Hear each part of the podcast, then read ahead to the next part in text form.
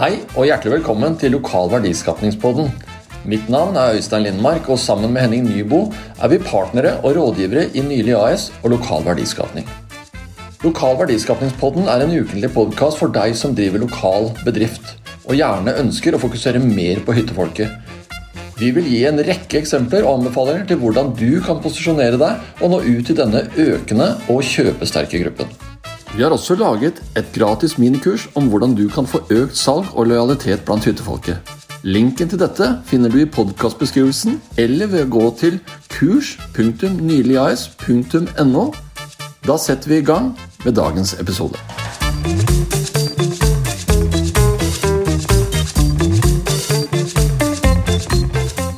Ja, Henning. Vi skal snakke om hyttefolk i dag. Vi, Ja. vi skal snakke om hvorfor det er en viktig målgruppe. Ja. Og har jo en lang reise med Mm. å å oppdage mange suksesser ved å sette fokus på hyttefolk. ja. Og, og vi tenker jo på hyttefolk som en målgruppe. Mens våre kunder igjen de må bryte opp hyttefolket også i undermålgrupper. Ja. Så man snakker om liksom de unge som har kjøpt seg en hytte. Vi må snakke om eh, småbarnsforeldre, småfamilier som har kjøpt seg hytte eller har tatt over en hytte. Ja. Og vi må snakke om generasjonsskifte i hytta. Ja. Hvor eh, bestefar eh, får besøk av barn og barnebarn osv. Og, så videre. og hva det vil si. Ja. Og egentlig bli mer målretta i hvordan man snakker til de. ja. Ja. Ja, og litt av grunnen til at hyttefolket er en viktig målgruppe, er jo den eh, Altså både selvfølgelig byggeboomen, men omsetningen av fritidsboliger nå. Det er vel, eh, hva var det i 2020? 16 000, var det ikke det? Fritidsboliger som ble omsatt. Det er helt enormt. Eh, og så er det jo da den målgruppen du prater mye om. ikke sant? Du har campingturister, båtfolk, ikke minst. Det er jo også fritidsboligeiere, på en måte. Absolutt.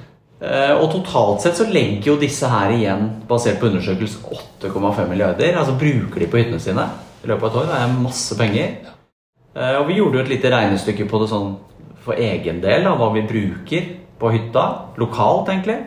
Eh, Og for min del så kommer jeg til 60 000 i året. Og det er klart da for en eh, hyttekommune da, med 2000 hytter, som veldig mange har, mange har flere også, så er jo det 110 millioner i året. Bare det. Ja.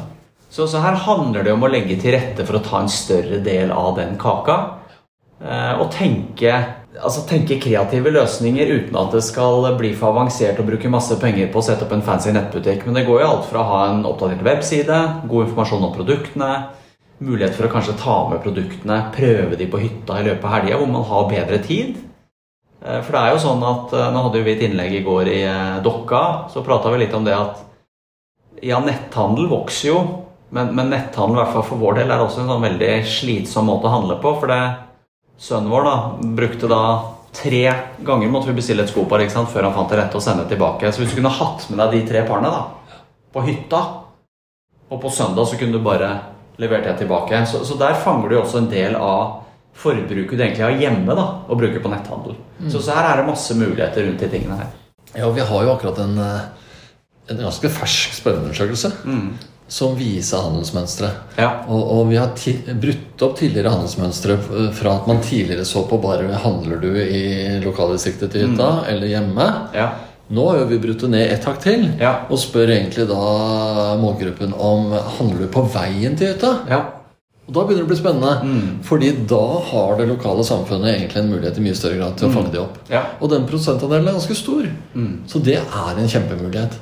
Og, og så er det jo sånn at eh, vi med disse forskjellige ulike målgruppene så finner vi ut at det er mange flere behov. Mm. Altså mine foreldre, de, de gjorde alt selv.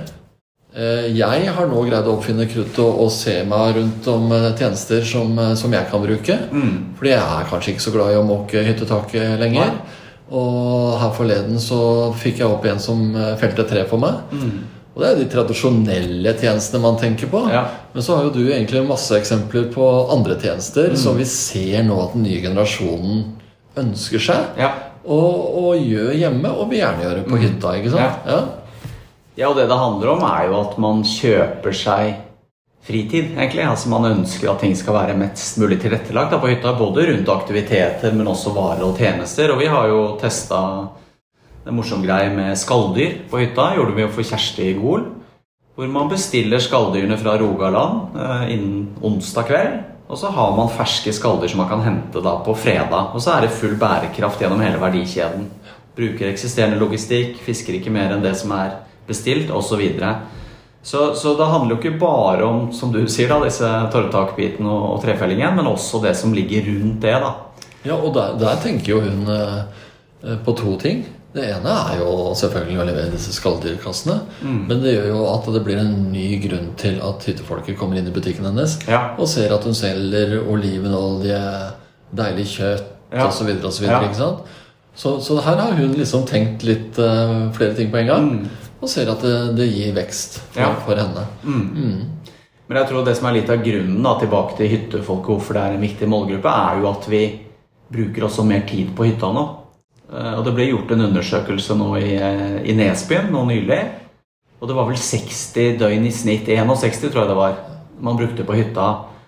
Og så er det jo de som ikke har barn, de er der enda lenger òg, for nå har det jo blitt mer aksept for å sitte og jobbe eh, andre steder. Det er som jeg sier litt sånn spøkefullt gått fra hjemmekontor til hjemmekontor. ikke sant? For nå gjør vi noe faktisk, hjemme eller på hytta. Og det også kommer til å vokse formidabelt fremover, for det er mange kontorer nå som ikke skal være på kontoret, eller personellet der hver dag. Ikke sant? Og da er hyttefolk der lenger. Og da kjøper de mer. Men da handler det om at du må synes, da. Ja. Du, du må få frem varene og tjenestene dine. Eh, også når de er hjemme, som vi prater mye om. Ikke sant? Så du må begynne reisen tidlig.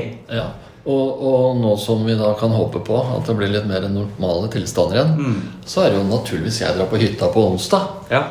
Og så veit jeg at kafeen borte på fjellet har åpent og wifi. Ja, Så kanskje jeg setter meg der en dag da, for å få litt avveksling. Mm. Ja. Og treffe folk osv. Så videre. ja. Så, og, og dette kan jo da egentlig kafeene på fjellet eller langs sjøen i større grad informere om. Mm. Fordi det dreier seg noen ganger tenker jeg, om også å så inn en idé. Ja. For det er greit at du vet om den kafeen, men du har kanskje ikke tenkt på at du kan sitte der og jobbe. Nei. Ikke sant? Så, så det er noe med det å, å vekke folk Ja, litt. ja absolutt. Ja. Ja, også det å definere hyttefolk som en egen målgruppe. Det er, det, alle vet jo at hyttefolk har vært der hele tiden, men det å tenke litt hva skal vi gjøre da for å tiltrekke oss de? Og der er jo Bygdebørsen, som vi allerede har nevnt her, at de har jo tenkt veldig kreativt eh, rundt samarbeid, ikke sant. De har jo eh, som eh, knytta seg til hyttefolk som kommer inn og har tjenester som de kan tilby, men det det handler om der, er jo å bygge lojalitet. Og har jo hatt en formidabel reise, da. eh, For å skryte litt med hjelp av oss i den perioden her, fra påske og frem til nå. Med å tenke hyttefolk som en målgruppe. De har jo til og med nå vi kan vel legge til det, de har jo til og med nå tømt eh, lysproduksjonen, stearinlysproduksjonen, til Mm. eh, en lokalbedrift ikke så langt unna.